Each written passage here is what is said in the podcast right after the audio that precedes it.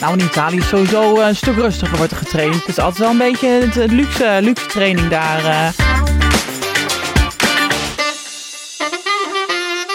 Hallo lieve luisteraars, welkom bij een nieuwe aflevering van Over de Top. Uh, we zijn hier met z'n drieën in de studio in Amsterdam, want we hebben een live verbinding met Maret Grottus vanuit Griekenland. Maret, hoe is het met je? Zijn al je koffers meegekomen?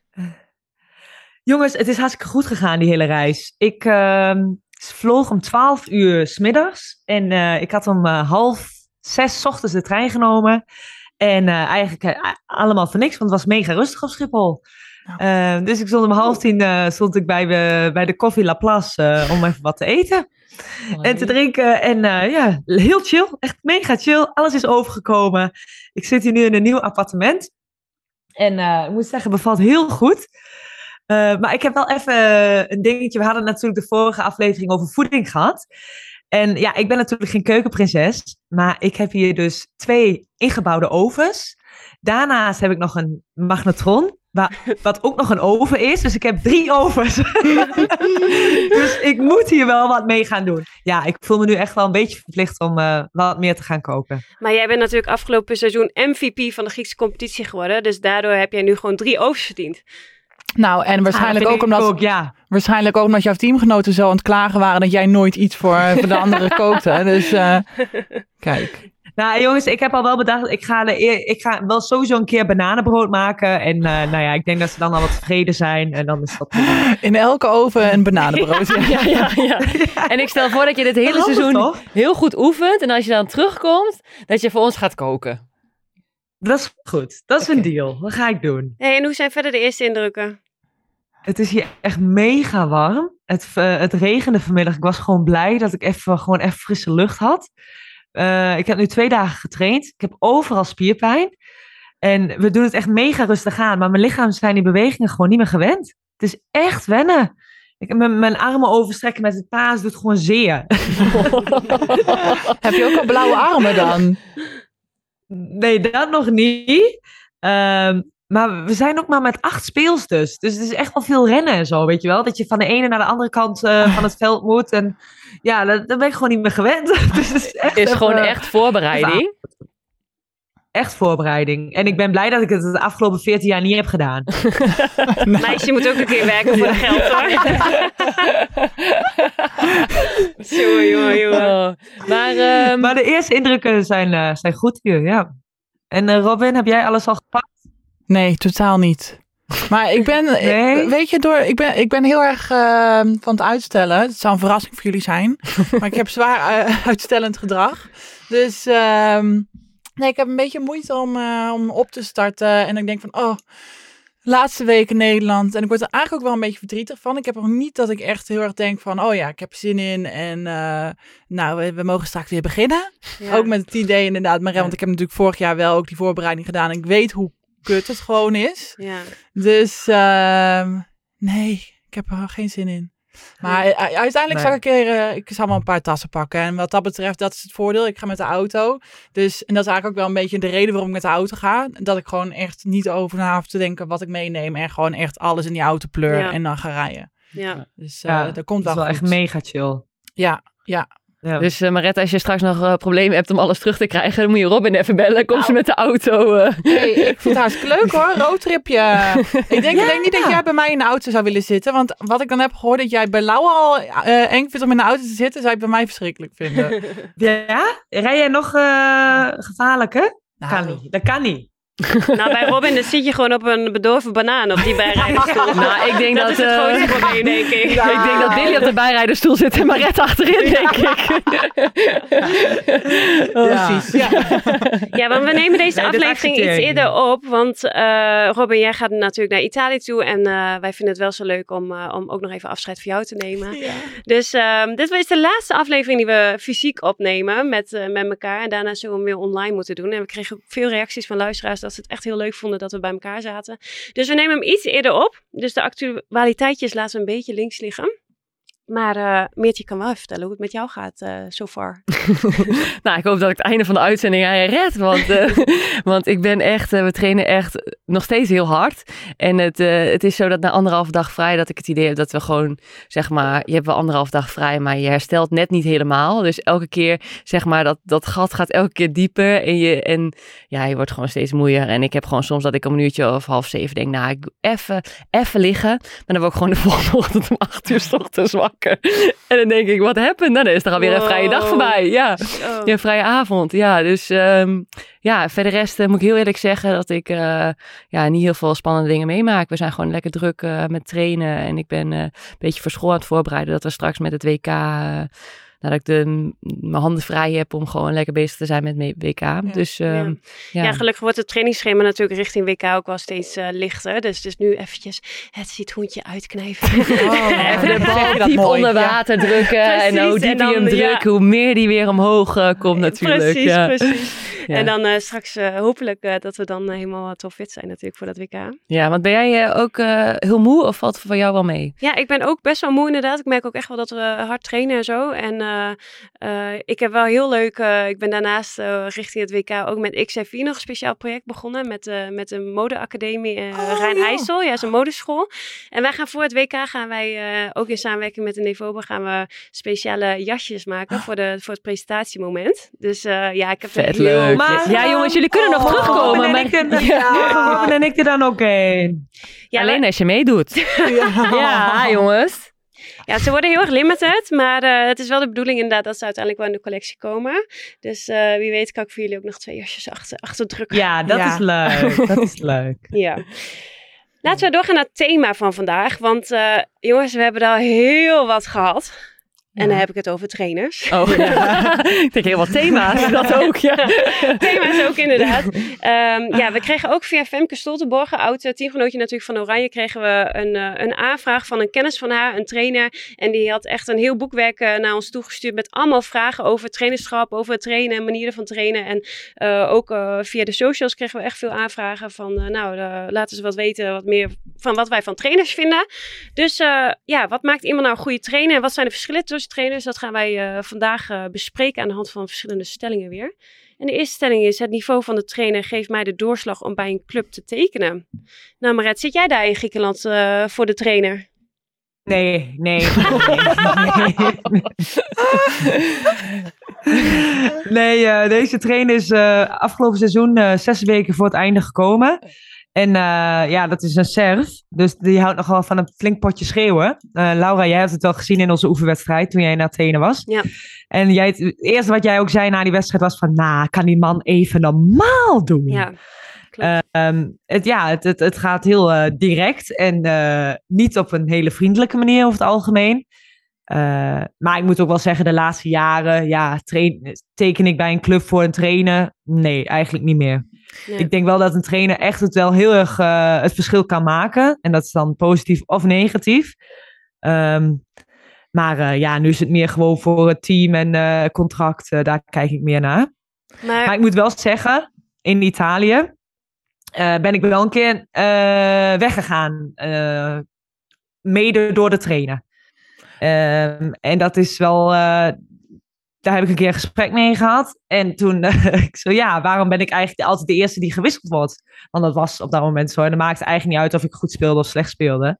Ja, en toen zei hij, ja, maar het, eigenlijk ben jij totaal geen stabiele speelster. Jij kan niet verdedigen, jij kan niet pasen, jij kan niet blokkeren, jij kan niet aanvallen. Dus ja, ik zeg, nou, dan is dat duidelijk. Ik heb hem de hand gegeven, ik heb mijn spullen gepakt en, uh, en ben vertrokken. Ja, want dan weet je ook wel, dat gesprek was in eind november. Nou, dan heb je nog zes maanden te gaan. Vier, uh, vijf, zes maanden. Ja, dan weet je dat je het seizoen bijna niet gaat spelen. Uh, en dat je het soort lulletje bent uh, die altijd gewisseld wordt. Ja. En uiteindelijk heeft het wel goed uitgepakt. Want toen ben ik naar Venebadje gegaan en kampioen geworden. Dus dikke vinger naar die coach. Mooie bonus meegepakt. ja, precies. ja. hey, maar Maret, als jij daar zit zeg maar, met zo'n schreeuwende coach nu. Merk je, ik bedoel, jij bent nu wel op een bepaalde leeftijd. Dat je misschien ook wel denkt van, nou weet je, mij maak je de pis niet lauw.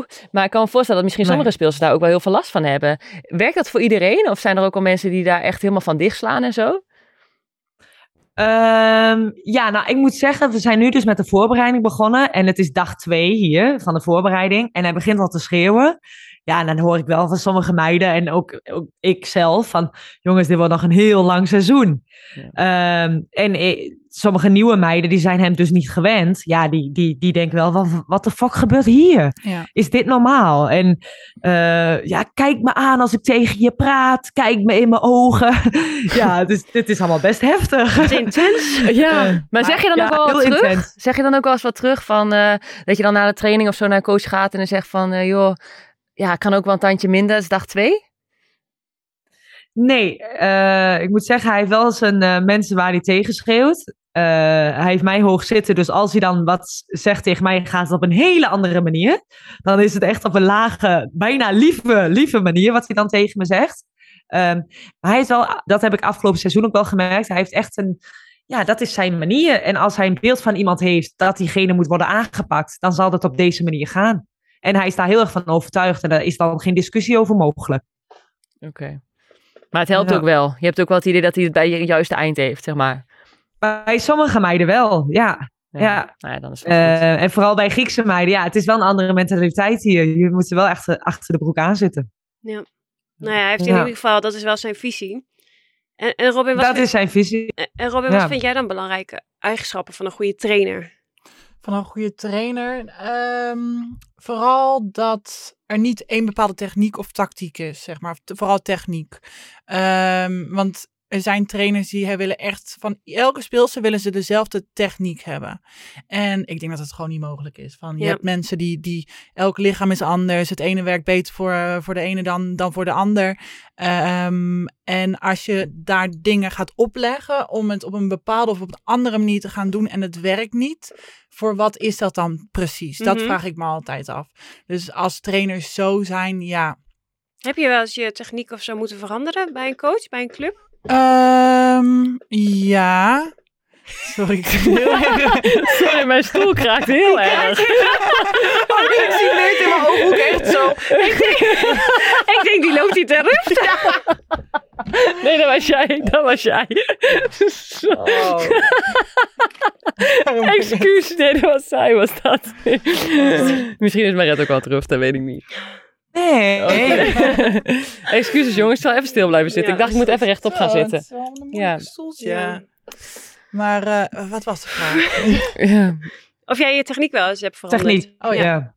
Um, nee, ja, misschien, misschien kleine dingen die ik nog uh, een, een, beetje heb aangepast. Um, ik weet met uh, Jamie Morrison, die was heel erg met de Amerikaanse techniek en, Ja. en de manier van uh, kijken bijvoorbeeld Mhm. ook.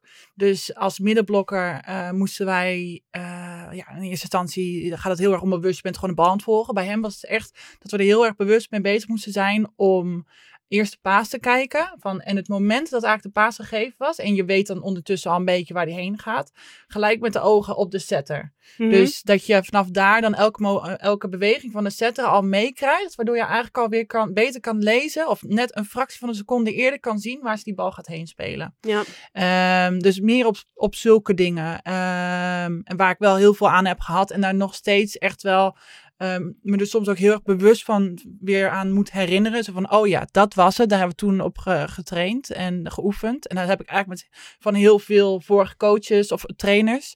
Uh, dat ik daar altijd wel een klein stukje van meeneem. Ja. Dat ik dat nu nog steeds denk van, oh ja, moet ik niet vergeten, weet Ja. je wel? Um, maar ik heb het zelf niet meegemaakt dat, um, dat, dat mij een bepaalde manier van bewegen of een bepaalde techniek werd opgelegd mm -hmm. uh, die een andere persoon deed. Uh, ja. Ik heb het wel bij anderen gezien en ik was het daar gewoon niet mee eens. Ja. Heb je het ook bij mij wel eens gezien dat mijn techniek moest Jeetje. ja. ja. ja, wil je ja. over praten? Wat lijkt me, wat lijkt me dat frustrerend zeg. Van, uh, jij mag elk, elk half jaar mag jij weer een hele andere manier van volleybal aanleren. Ja, dat klopt. Ja, ik denk wel dat uh, op mijn positie als spelverdeelster zijn trainers hebben zo'n mening daarover. En er zijn zoveel verschillende visies, zeg maar, over, over het zetten. Het, het voetenwerk alleen al. Ik weet nog dat uh, Guidetti, die kwam toen bij ons team. En uh, toen moest ik van twee benen springen over naar één benen springen.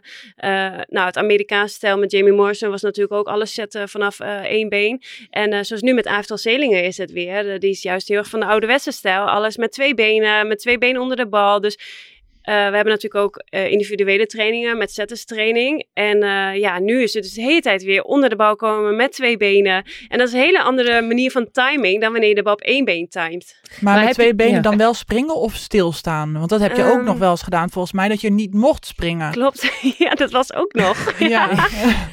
ja, ik heb inderdaad, maar dat is al heel lang geleden hoor. Dat was toen met Bert Goedkoop toen nog. Dat is in 2000. Oh, 11, 12. Vlak voor de 11, ja. Ja, toen inderdaad die zei van uh, nee, je moet niet springen met eerste tempo zetten, je moet op de grond blijven staan. Ja, ja en uh, ieder, ieder half jaar wat je zegt, moet je dus maar weer aanpassen aan de visie van de coach. Want jij, op een gegeven moment, weet je, heb je wel een leeftijd, heb je je maniertje wel ontwikkeld. En ik ben blij dat ik nu in ieder geval al zoveel ervaring heb dat ik weet wat voor mij werkt. Maar het is wel inderdaad soms wel echt heel frustrerend dat iedere keer weer alles wordt veranderd. Ja. Maar ga je je dan ook wel, zeg maar, elke keer weer aanpassen? Want wat je zegt, je bent nu op een bepaalde leeftijd dat je eigenlijk wel weet wat jij het fijnst vindt, waar jij misschien mhm. het beste mee functioneert. Ga je dan toch nog wel als een coach zeggen van, nou, ik wil dat je op de grond blijft staan met twee benen naast elkaar. Ga je dan wel dat doen? Uh, nou, zoals nu met Aiftal. Uh, het werkt voor mij heel erg om éénbenig af te zetten. Want ik krijg gewoon, ik kan mijn lichaam dan anders draaien, waardoor ik meer snelheid aan de bal kan geven.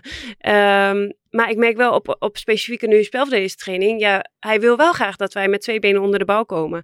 Dus op die ochtendtrainingen, dan oefenen we dat wel. En aan de ene kant denk ik ook van, er zit ook wel wat in. Want als ik met twee benen snel onder de bal ben, dan ben ik dat ook met één been, zeg maar. Dus uiteindelijk in een wedstrijdsituatie zou ik altijd met één been afzetten.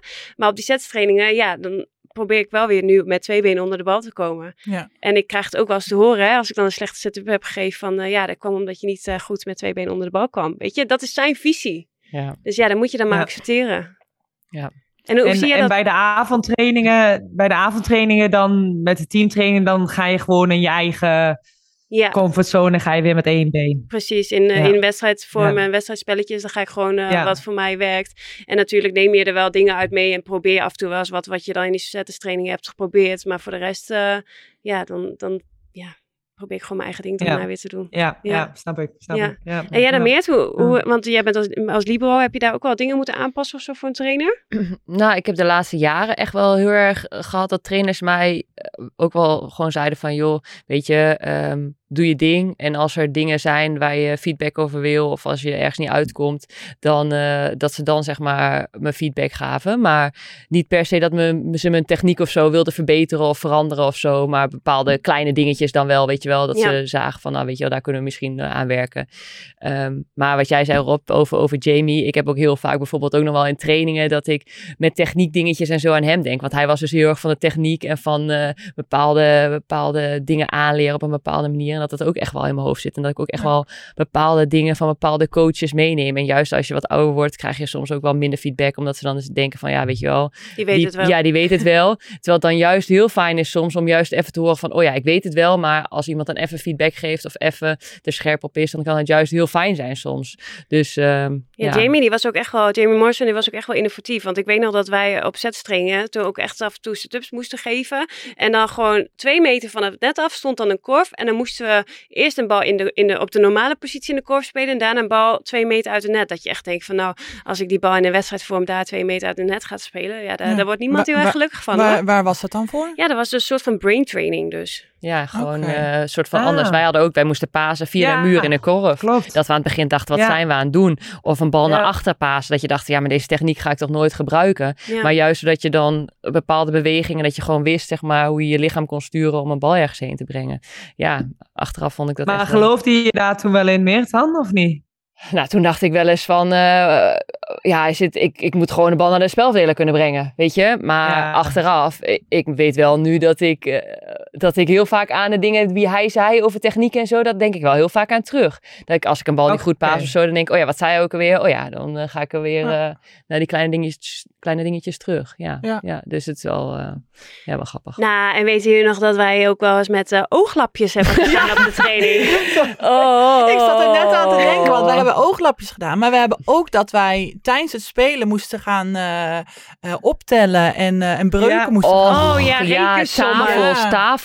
Ja. ja. en dat, wat, waar, waar, was het ook alweer voor? Ja, gewoon ook. Als jij op dat moment uh, zo'n zo breuk kan doen, omdat jij uh, kan afleiden van de bewegingen die je aan het maken bent, dat dan die bewegingen er dan weer beter ingeslepen worden uh, dan als jij niet met je hersenen aan iets anders aan denken zou zijn. Ja. Lau, dat wij al die spelletjes stellen tegenwoordig, misschien heeft dat dan ook nog eens gewoon braintraining, terwijl dat wij aan het spelen zijn. Ja. Maar ik ga nooit meer met een ooglap als Piet Piraat in dat veld staan hoor, echt niet. Weet je, dat was toen in de tijd dat Guido Vermeulen bondscoach was en toen, uh, hij had dan als visie dat als je dan, je, je hebt dan één dominant oog, je motoroog, als je dat afplakt, dan ontwikkel je ander oog of zo beter. Nou goed, ik, ik, ik weet niet allemaal precies de theorie daarachter. Maar uh, weet je, toen deden we dat wel braaf. Maar als iemand me nu met een ooglapje voor gaat houden, nee, dan mij echt niet meer bellen. Ik ga vanavond nog even naar de winkel, denk ik, ja. wat ooglapjes halen. Nou, toen was het ook al twijfelachtig. Ja, denk, ja, ja, ja. ja. Dat, dat, was wel echt een van die dingen dat, dat we allemaal gedaan hebben, maar niemand was het er eigenlijk mee eens. Uh, Klopt. Dat is ook wel, ja, dat zijn we een stel schapen dat er achteraan loopt. ja, ja, ik denk dat, dat wij als Nederlanders toch wel voor trainers het ideale volk zijn ook uh, om uh, training te geven. Want wij zijn zo volgzaam. Ja. Maar uh, om terug te komen op de stelling, Lau, het niveau van de trainer geeft mij de doorslag om bij een club te trainen of bij een club te tekenen. Is dat voor jou zo? vroeger misschien wel.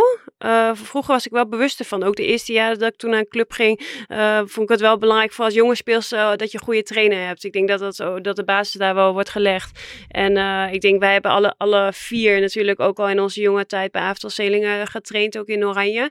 Hij heeft wel onze basistechniek gelegd en ja. daar ben ik wel heel blij mee. Ja. Nee, ik ook. Ik, ik uh, denk nog steeds dat doordat ik op zo'n jonge leeftijd met hem heb kunnen trainen. Ik was 16 toen ik daar begon. En dat was natuurlijk constant. Het was echt niet allemaal leuk. Want het was dagen dat wij gewoon vijf uur lang eigenlijk alleen maar um, rondjes, weet je, met elkaar in de rotonde. Dat we zo de beweging met elkaar aan het maken waren en reageren en dergelijke. En dat is nu, denk ik, een van mijn sterke punten. Ja. Helemaal als middens. Van, ja, we zijn toch altijd een beetje het slungerige, uh, ongemakkelijke type dat uh, eigenlijk altijd een beetje in de weg loopt. Nou, dat doe ik niet meer ja, ondertussen. Ja. nee, maar ik dus, dus, ja. dus, dat zijn wel de dingen met het initiatief nemen, het, het, het uh, spel lezen, het gewoon het kunnen reageren op wat de persoon naast jou doet.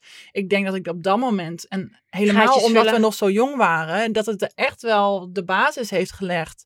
Um, en ik denk dat het ook wel een ding is wat uh, bij mij nu bij de club in ieder geval, waar ze juist heel erg op het focussen zijn om dat ook bij te uh, bij te brengen aan de andere speelsters. Ik ben dan gewoon een voorbeeld, hè? Nou, maar Rob, even serieus. Ik, ik weet zelfs dat jij dat echt, dat jij ook op een gegeven moment hadden we van die firsts, hadden we tijdens de trainingen dat uh, je sprongen gemeten werden en zo. Oh, ja. En dat jij ook gewoon drie keer zoveel sprongen maakte, zeg maar, dat de andere middels op een derde van de hoeveelheid van jouw sprongen zaten. Omdat jij gewoon in elke rally was jij aanspeelbaar en sprong jij. Ja. En trok jij een blokkeerder weg. En oh, andere middels dat je aan het eind van de training dacht, ja, maar hoe, hoe kan het dat Robin zoveel gesprongen ja, maar heeft? Dat echt, ja, maar, maar dat is echt respect. door, ja. door door Want ik weet nog dat wij toen ook nog gewoon een uur lang konden wij droog die oefening doen. Ja. Met, dan was er gewoon geen bal aanwezig. Dan was het gewoon van het net afkomen, aanvallen, blo ja. blokkeerbeweging maken. Weer van het net en we ja. draaien open. En ja, het was toen gewoon echt niet leuk. Maar nee. nou ja, nu Helpt, wel, helpt het wel, denk ik. Ja, hij is echt wel een trainer dat heel erg uh, houdt van slijpen en zo. En daar is wel een verschil in. Ja. Wat heeft jullie voorkeur dan uh, nu voor trainen? Jij bijvoorbeeld, Maret? Nou, ik weet zelfs wat Robin, ook toen ik jong was, ik ben echt blij dat ik avond al heb gehad. Maar om nu nog weer uren bovenhands en onderhands techniek te doen, uh, nee, dankjewel. Ja. ik word een beetje vrolijk ervan als we een beetje 6 tegen 6 gaan spelen en een beetje, een beetje game-like. Dus um, ja, qua trainen, um, ik vind inderdaad heel erg techniek, dat, dat hij technisch wel iets bij kan brengen. Uh, voor mij persoonlijk niet meer, maar voor andere meiden op zich wel. Uh, ik zal ook niet snel mijn techniek meer gaan aanpassen. Ja, misschien in de blokkering, want daar ben ik gewoon zo slecht in. Dus ik denk, nou, alle tips zijn maar welkom. Uh, maar voor de rest, uh, ja, als iemand wat zegt over mijn paastechniek, dan denk ja, laat maar lullen. ik doe dit al jaren en die bal komt er wel. En als niet, dan weet ik ook wel wat ik fout doe. Maar jij noemt naar blokkering, maar jij hebt ook, jij, jouw lichaam reageert toch ook helemaal niet goed op de, krui, de kruispas uh, in de blokkering? ja. jij hebt altijd een scheurtje in je buik. Ja, ja. ja zo, zo ben ik geboren. Ja. nee, maar ik bedoel van wat nee, is dus, om dan ehm, weer ja. die techniek te veranderen? Want dan ben jij, heb jij ook wel zomers meegekloot dat, dat jij dan wel weer die techniek moest aanpassen, want iedereen deed dat. En dan liep jij weer geblesseerd rond. Van wat is het nut er dan van om die, die, die techniek te veranderen? Ik moet wel zeggen dat ik de laatste jaren, soms doe ik alleen keer een kruispas en dan weet ik ook niet wat vandaan komt. En dan gaat het allemaal goed. Niet dat ik de bal blokkeer hoor, maar dan heb ik geen blessure. uh, maar uh, ja, joh, ik weet niet, ik doe maar wat in de blokkering en dat zie je ook wel. Nou ja, weet je, als iemand me nog wil leren, dan uh, hartstikke leuk. En ik moet wel zeggen, als ik daarop mag inhaken, dat is wel inderdaad waar wij onze jeugdopleiding hebben gehad bij Aftal Zelingen. Hij is wel echt een, een verdedigingsspecialist, vind ik. En qua blokkeren is hij minder uh, specialistisch, vind ik. Nee, ja. Nou, ik, ik heb daarna ik, juist ook ja. alweer van, een, van de, de coaches daarna. En ook uh, helemaal van een Giovanni Guidetti. Van daar heb ik in de blokkering. De, weet je, de, de basis qua bewegingen, de bal zien, spel lezen. Dat, dat komt bij Avi vandaan. Avi zal vandaan. Uh, Je mag hem Avi noemen. Ja, hey bro.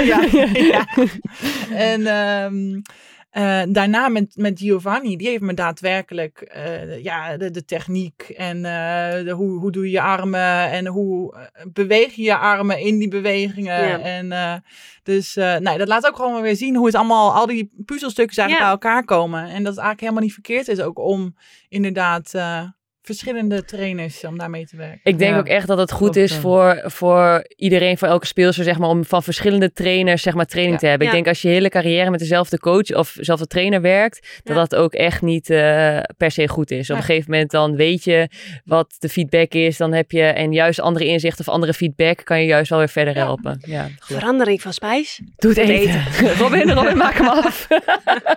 nou, die wist ik nog Oké, oké. nou, laten we doorgaan naar de tweede stelling. In het buitenland wordt er beter getraind dan in Nederland.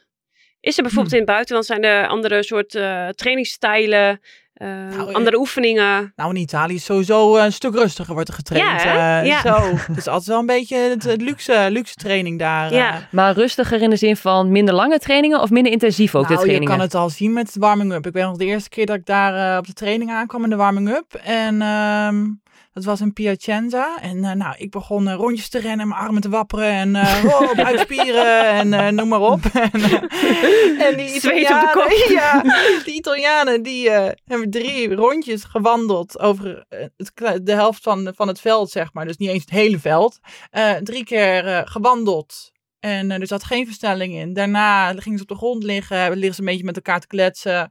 Uh, zijn ze een beetje aan het stretch, stretchen. En uh, nou, dat, dat is het dan eigenlijk. En het gaat allemaal zo langzaam. En ik denk van, nou, hop, hop, gaan we. Ja, ja heel chill. Dus eh, ja, dat, dat, dat, laat wel gelijk zien. Zo, zo zijn de trainingen ook wel een beetje. Dat ik soms ook wel denk van, uh, van dan gaan we weer drinken. En uh, dan denk ik, ja, Mm -hmm. Ik heb mijn eerste zweetdruppel, die is nog niet uit hoor. Dus, ja, ja, ja. Oh. Nou, ik, ik moet wel zeggen, ik heb in Italië wel met, uh, met Gianni Caprara wel echt het allerfijnste trainingsschema ooit gehad.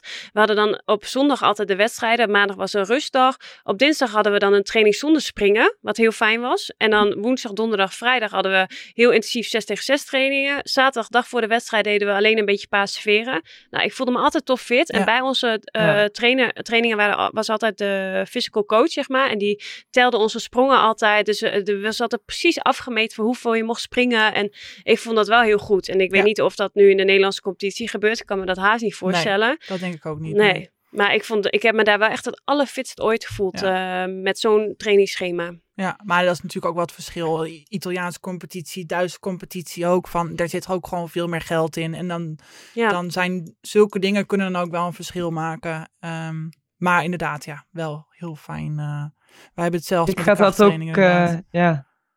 Ik had dat ook in Italië met video kijken. Ik, ik dacht echt van, hoe vaak gaan wij video kijken voor een wedstrijd? Ja. Dat is echt vanaf eh, woensdag tot met zondag kijk je video voor die tijd. Ja. Nou, het eerste jaar snapte ik geen Italiaans. Coach, coach kon geen Engels.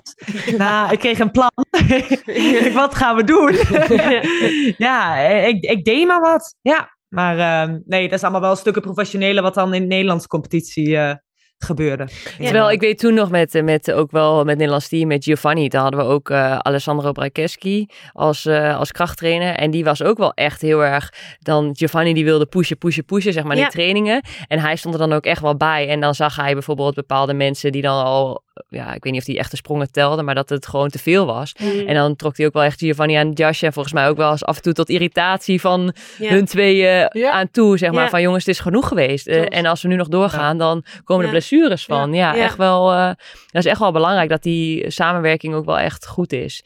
En zeker ook in het buitenland heb ik ook echt wel het idee, zeg maar, het is zo belangrijk dat er op zaterdag gepresteerd wordt. Ik heb ook wel eens uh, bij een club gespeeld dat er dan mensen gewoon die wedstrijd zich bij wijze van, die kregen dan 50 ballen per wedstrijd helemaal kapot speelden. Maandag, dinsdag, woensdag eigenlijk helemaal niks konden. Op donderdag weer een beetje konden lopen. Op vrijdag nou ja, een training deden om een beetje gevoel te krijgen met het team. En op zaterdag speelden ze weer. En dan waren ze weer tot woensdag waren ze eigenlijk weer omdat ze dan niet fit binnenkwamen. Ja, of precies, uh, weet je. En dat maakt dan uiteindelijk niks uit als ze dan op zaterdag al die ballen erin ja. Uh, sloegen. Ja, prima.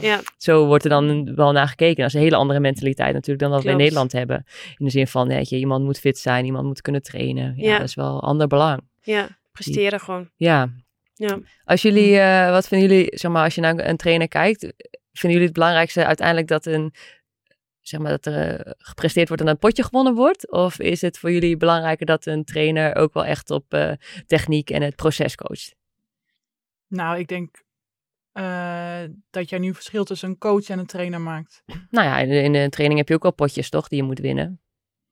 Nou, ik vind het wel fijn om in de training wel echt feedback te krijgen, merk ik wel. Van, ik vind het wel fijn, um, uh, ook technisch of zo, of met in, in de afstemming of zo. Ik vind het wel fijn om, het hoeft niet naar iedere bal of zo, maar ik vind het wel fijn om advies of feedback te krijgen tijdens een training. Dat wel.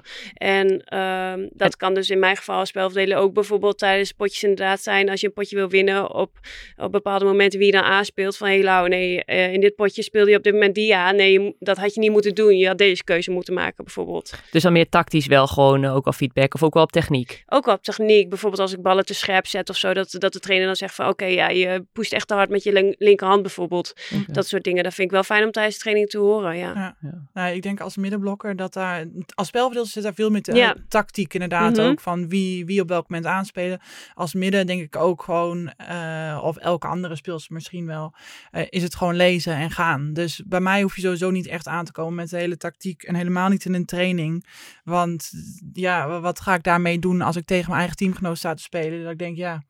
Ja, terwijl ik denk, zoals nu, zeg maar, wij hebben met het Nederlands team bijvoorbeeld best wel heel jonge middens. Terwijl ik denk dat het daar ook juist wel heel erg van belang is als het uh, 24-24 staat in een potje in de training. En in midden gaat, uh, weet ik veel, uh, die laat Nika Daal erop één op één. Dan denk ik dat het best wel goed zou zijn als een coach zegt van, goh, weet je, waarom maak je die keuze? Het staat 24-24.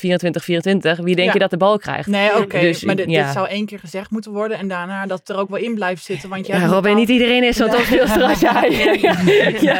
ja, nee, nee, maar dat ik, is ik wel. Snap inderdaad wat, je, wat je bedoelt. Ja, ik denk dan van, die probeert sowieso gewoon het, het spel te lezen. En ik hou er helemaal niet van om al van tevoren een keuze te maken. Want dat, ik, ja, ik vind dat zo goed als, als gokken eigenlijk. Uh, natuurlijk moet je dat wel een beetje in je hoofd houden. Wie is de belangrijkste speelster en de grootste kant waar het heen gaat. Ja. Um, maar ik heb inderdaad, ik heb wel liever gewoon technische aanwijzingen. En ik denk dat ik nu wel op het punt ben aangekomen dat ik zelf al eigenlijk helemaal voel wat ik verkeerd doe. Van, je hebt al zoveel aanwijzingen in je, je carrière gehad. Van, ik kan echt al gelijk van, ik raak de bal en ik weet al precies van, oh ja, kut. Ja, ja, ja. Dat, dat deed verkeerd. Oh, hand weer niet goed. Of, oh, nee, benen stonden niet goed. Uh, en, en dan, dat weten de, de trainer waar ik nu mee samenwerk, die, die weet het ook wel. En als ik het zelf niet weet of ik voel het niet, of dat, weet je, net met de afstemming met de zetten, dat vind ik soms wat moeilijker, omdat het uh, wat lastig is om zelf aan te voelen. Van waar gaat het nou precies mis? Ligt het bij mij of ligt bij de zetten mm -hmm. of waar? Dan kijk ik, dan draai ik me om, vraag ik het en is eigenlijk een heel kort antwoord. Ja, dan is dat duidelijk. Ja. ja. Ja. ja. Jij, Maret, je hebt heel veel aanwijzingen nodig in trainingen. nou, ik moet daar wel eigenlijk aan wennen als mensen me uh, aanwijzingen gaan geven. Uh, dan denk ik, oh ja, uh, en dat is meer inderdaad ook, ik heb liever dan een tactische aanwijzing van waar, waar ik kan aanvallen, of hoe en wat, of wat dan handig is om te doen. Uh, maar niet uh, technisch dan, nee.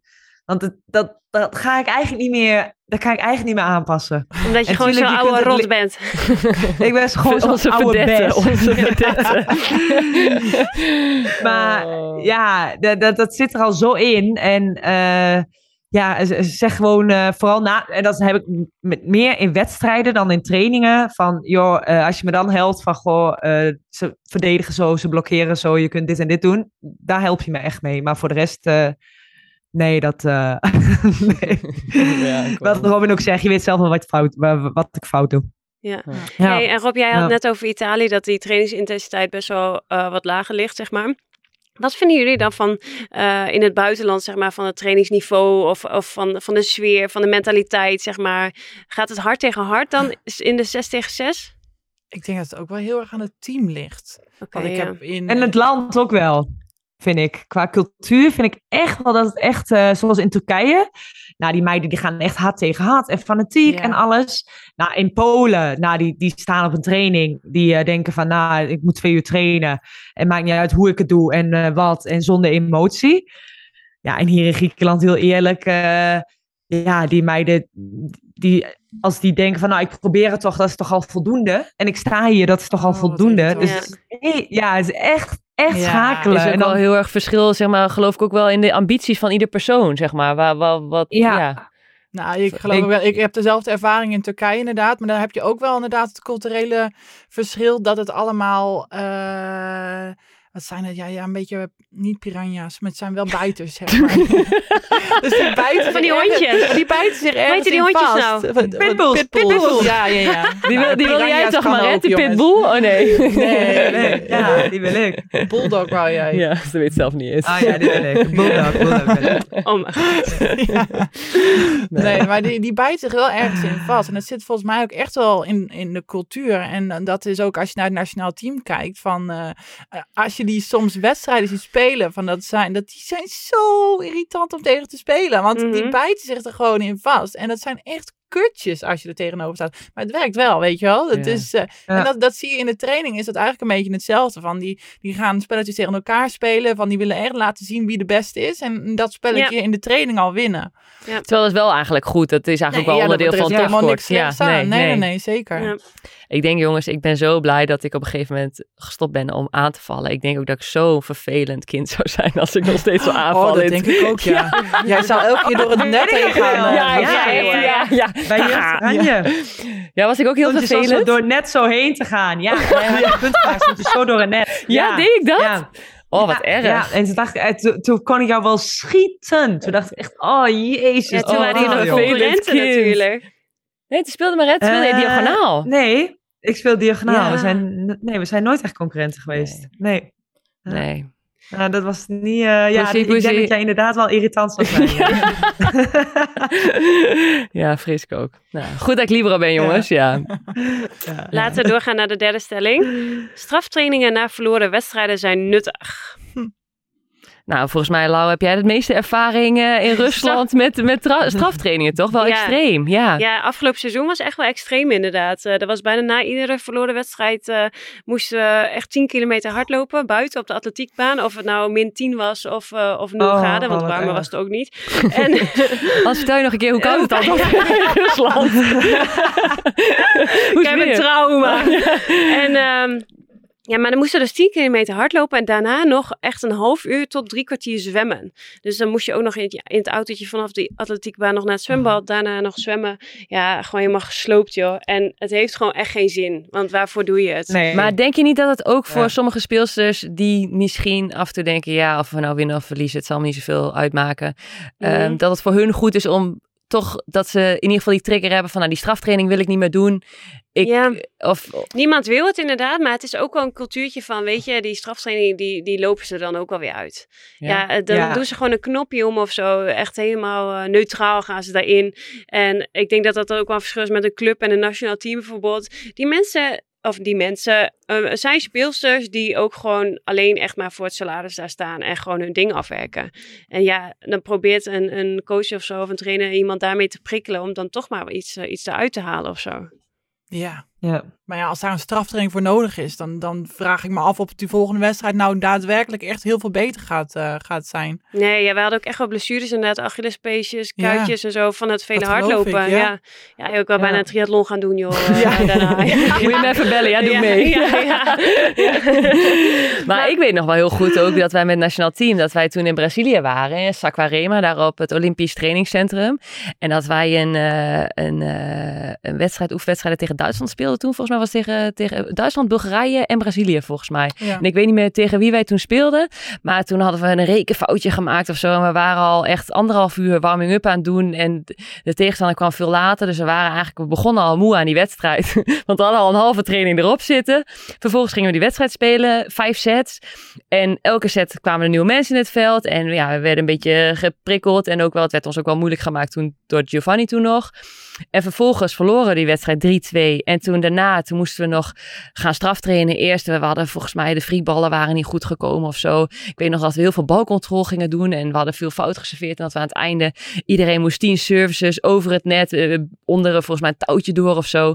En ja, echt, ik weet toen ook nog dat ik na de tijd ook gewoon, gewoon blessure had aan mijn knie. Dat ik de volgende dag ook niks meer kon doen. Ja, na de oefenwedstrijd nog urenlang getraind. Ja, nog, ja, ja, echt gewoon. En aan de ene kant denk ik van ja, weet je wel, wat je nou nou echt beter van. Terwijl aan de andere kant, ja. Het heeft wel indruk gemaakt. Ja, ik, ik weet nog steeds. het ons allemaal. Ja, ja.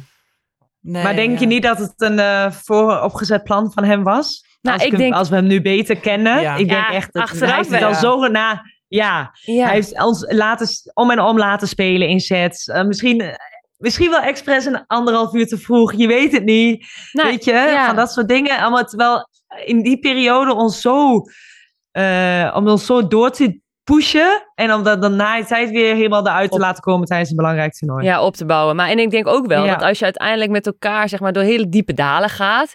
Dan komt de goeroe van het groepsproces. Maar daar geloof ik ook wel. Als je elkaar daarin zeg maar kan helpen en ondersteunen. En je kan daar samen doorheen komen. Dan geloof ik ook wel dat het voor een bepaalde verbindenis zorgt. Waardoor je vervolgens als het moeilijk is in een wedstrijd of zo. Dat je ook elkaar daarin kan ondersteunen en kan helpen. En dat dat ook wel in het vertrouwen en in die band echt wel helpt. Nee, daar, daar ben ik het echt volledig mee eens. Want ik ben echt compleet tegen eh, straftrainingen eigenlijk. Van, want ik geloof dat het moment dat jij het veld op gaat, dat je alles geeft. Dus waarom moet je daarvoor gestraft worden als het niet gaat zoals het had moeten gaan?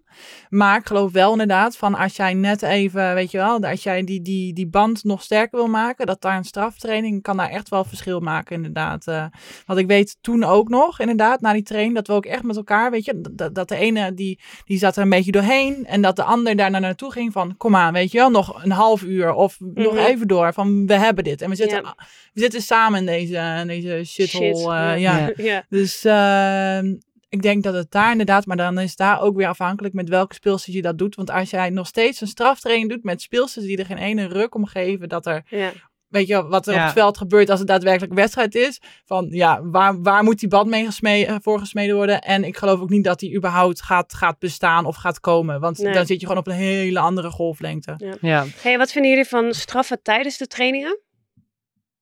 Zoals uh, dat er een bal... ja, ja. nou, dat is wel lekker. Eh, nee.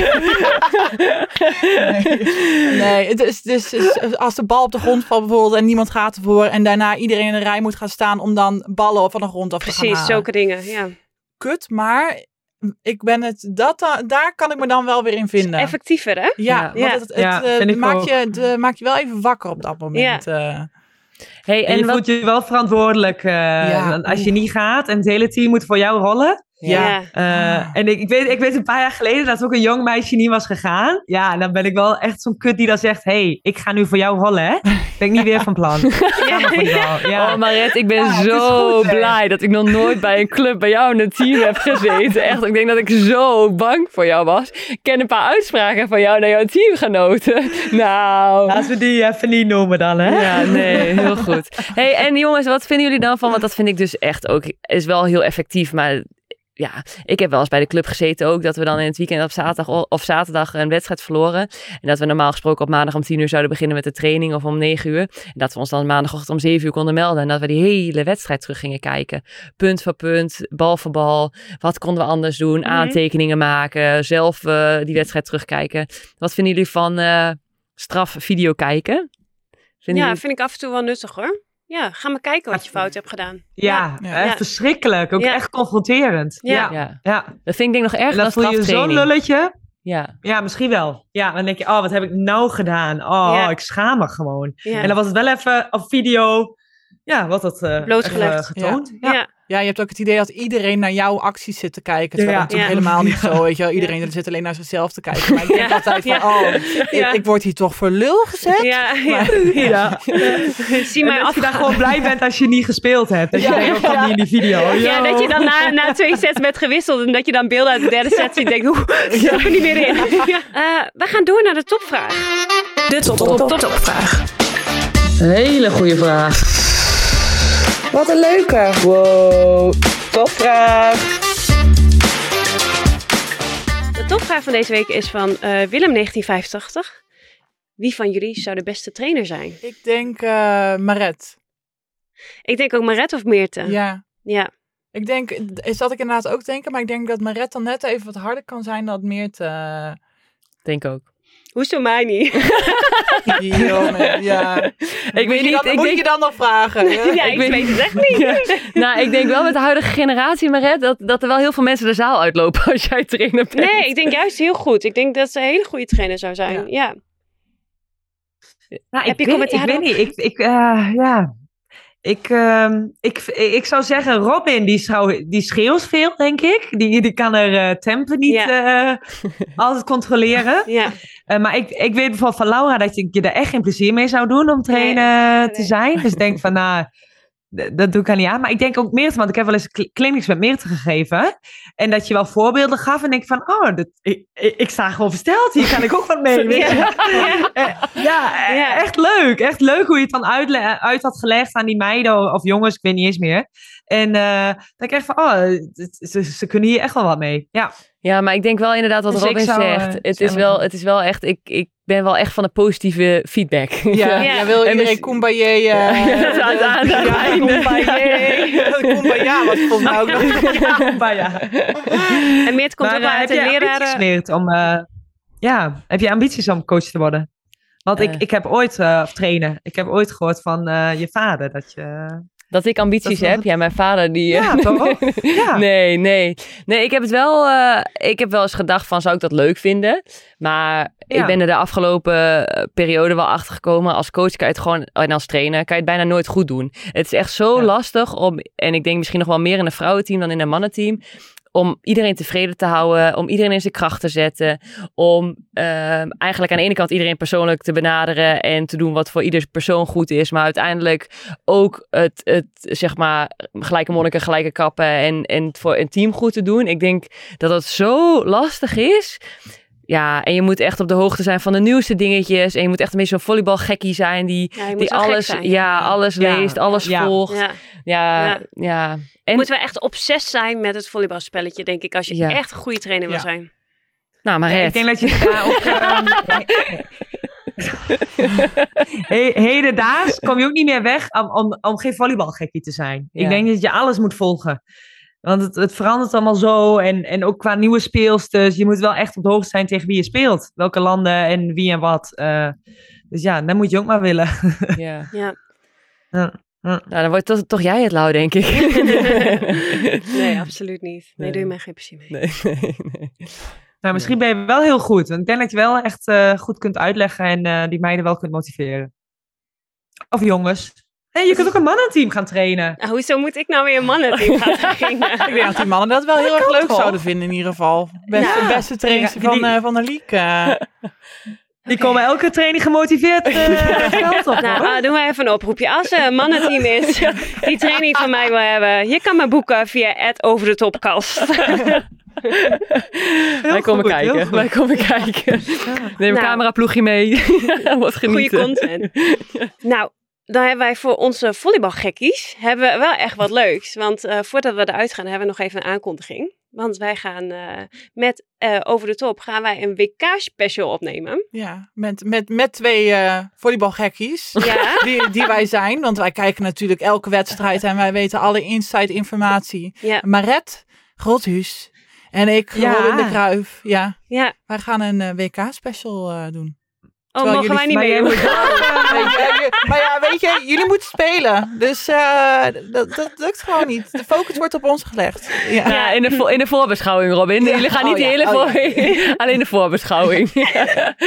ja, Robin en Maret gaan de voorbeschouwing doen uh, van alle wedstrijden die wij met Oranje tijdens het WK gaan spelen. En dat zou in, in, de, uh, in de vorm van een podcast zijn van ongeveer vijf tot zeven minuutjes. Dus ben je onderweg in de auto naar, naar de wedstrijden bijvoorbeeld van Oranje, dan kun je net even alle ins en outs van de en hoe Oranje ervoor staat. En uh, eventuele Team Juice kun je horen via de, over de top, de podcast. Ja, ik, denk, ik denk misschien meer juice dan uh, daadwerkelijk informatie, uh, informatie. nou, ik weet zeker dat je de wedstrijden veel leuker gaat kijken wanneer je die, uh, die special hebt geluisterd. Um, dus de volgende aflevering die wij gaan opnemen, dan gaan we sowieso over het WK praten en alvast een soort voorbeschouwing geven. En dus tijdens het WK, dan moeten jullie echt allemaal het over de topcast volgen en de podcast luisteren en de socials in de gaten houden, want dan ja, blijf je gewoon helemaal op de hoogte van het hele WK, het team en het hele event. Ja. Nou, je Robin, je moet wel je huiswerk doen, hè? Je moet wel je huiswerk doen. Want het gaat niet alleen. Uh... Rustig. Niet zo fel, hè? En dat gaat heel leuk worden, nou, hoor. Dan, dan heb ik alvast één test voor je. Tegen wie spelen wij de eerste wedstrijd op het WK, Robin? Maret niks zeggen. Ja, Robin. Ja, ik weet het. Ja, dat weet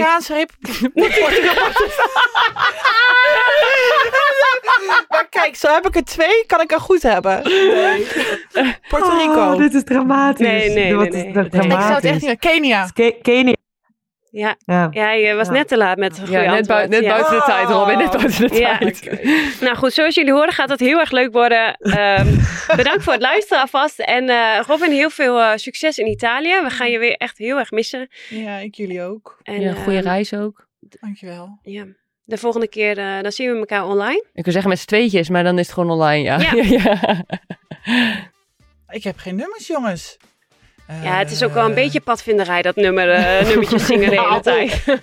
niet gewaardeerd. Uh, ja, Maret? Ik vond het heel mooi hoor, Robin. Ja, ik vond het heel mooi. Ja, ik vond jou ook heel mooi zingen. Oké, okay, bedankt. Nou. Ja.